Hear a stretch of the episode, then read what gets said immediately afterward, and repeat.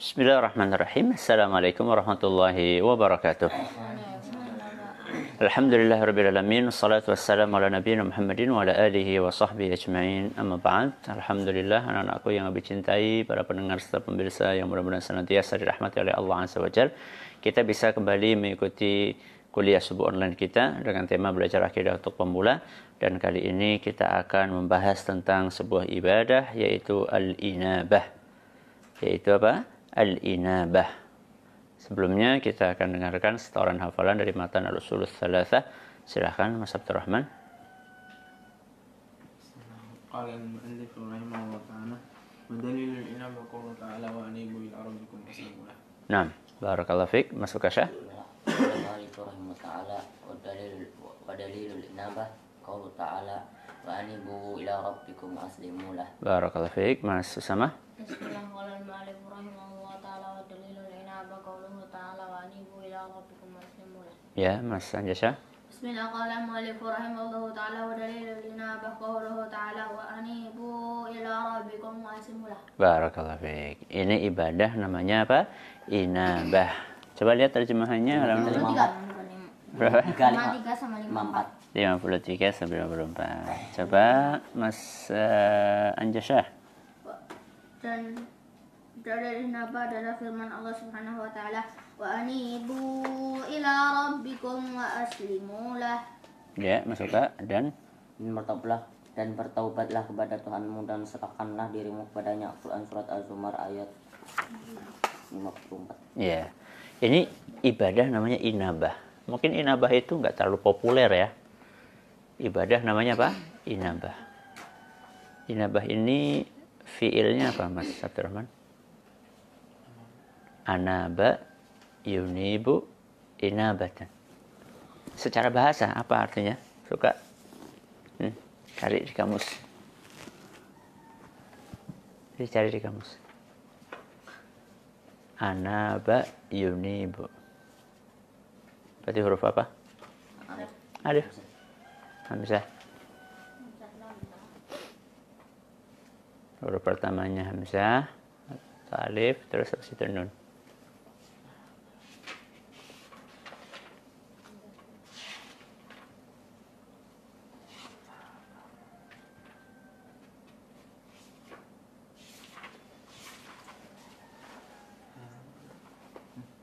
A.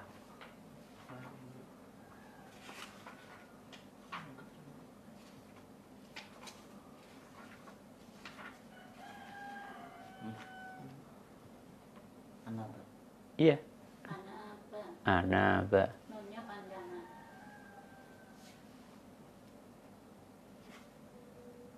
Terus ke bawah. apa itu? Apa itu artinya? kembali kepada Allah Kembali. Berarti secara bahasa anaba yunibu artinya apa? Kembali. Kembali. Itu secara ba- bahasa. Nah, secara istilah syariat maka akan lebih spesifik lagi. Kembali ke mana? Ya. Siapa yang kembali? Kita. Nah, berarti kan kalau secara bahasa anaba atau inabah itu artinya adalah kembali. Tapi kalau secara istilah syariat, mestinya harus lebih spesifik lagi. Kembalinya siapa yang kembali, terus ke mana kembalinya? Nanti kembali ke rumah, kembali ke pasar, kembali ke apa?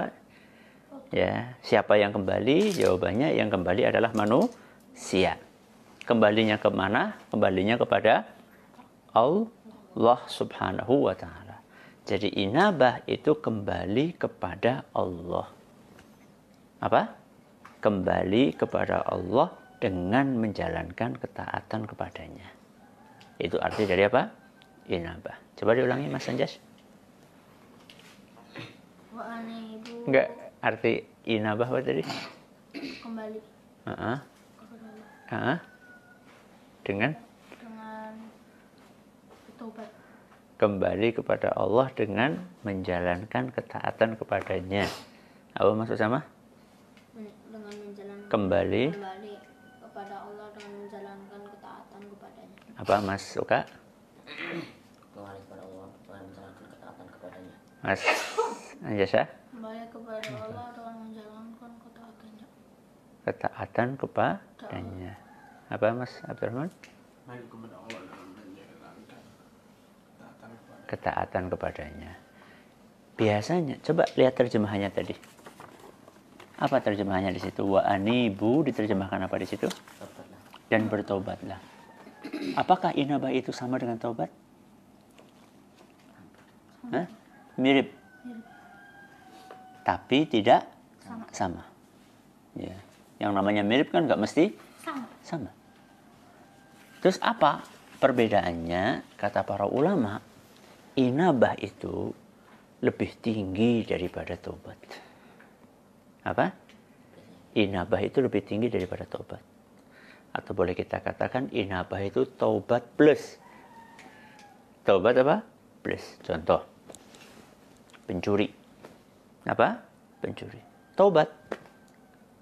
Artinya apa? Dia tinggalkan mencuri dia nggak mencuri lagi. Itu namanya tahu taubat. Kalau inabah plus dia tinggalkan mencuri, kemudian dia plus menjalankan ketaatan kepada Allah. Jadi habis taubat, dia tinggalkan mencuri, terus dia sholat, baca Quran, puasa. Itu namanya i, inabah. Contoh yang lain. Menyiksa ayam apa menyiksa ayam. Tobatnya gimana? Bukan, melakukan. Tidak melakukan itu lagi. Itu namanya tahu tobat. Inambahnya gimana? Masih makan. Dia berbuat baik kepada ayam tersebut. Dia kasih makan, terus dia obati, mungkin dia elus-elus, ya. Itu namanya inabah. Digendong. Contoh yang lain. Nonton hal yang haram di HP. Dosa atau bukan? Dosa. Dosa. Tobatnya gimana? Nonton. Tinggalin. Jangan nonton. Ya, terus inabahnya melakukan. habis itu oh iya, anak harus banyak-banyak bertobat, banyak-banyak beristighfar, banyak-banyak baca Al-Qur'an karena matanya barusan digunakan untuk Maksiat. maksiat, maka gunakan mata itu untuk ibadah sebagai penebus dosa. Itu namanya ina inabah. Jadi inabah itu lebih tinggi daripada Taubat. Ya. Kalau taubat itu adalah meninggalkan dosa, menyesal.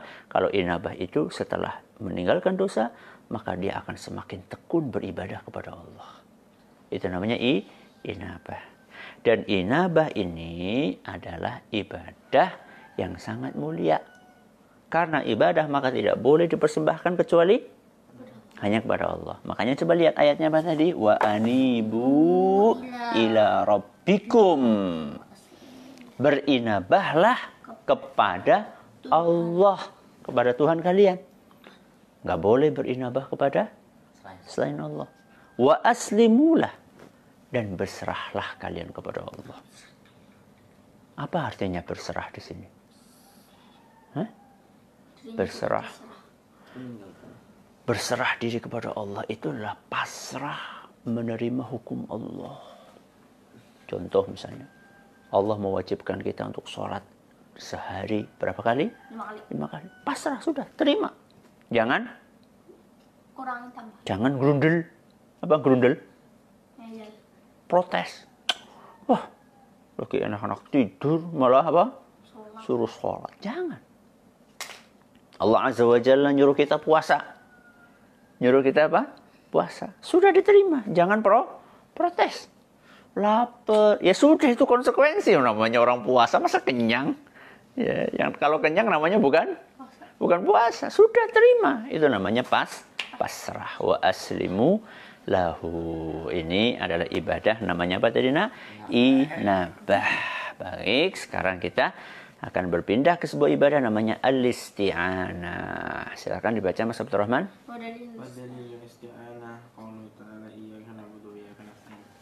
Wafil.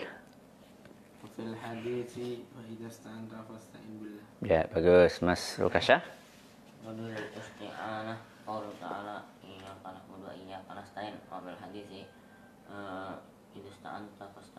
Bagus Mas Usama.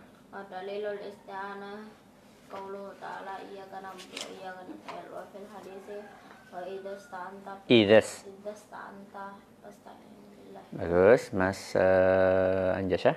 ودليل الاستعانة قوله تعالى إياك نعبد وإياك نستعين وفي الحديث إذا استعن فاستعن Idas ta'anta.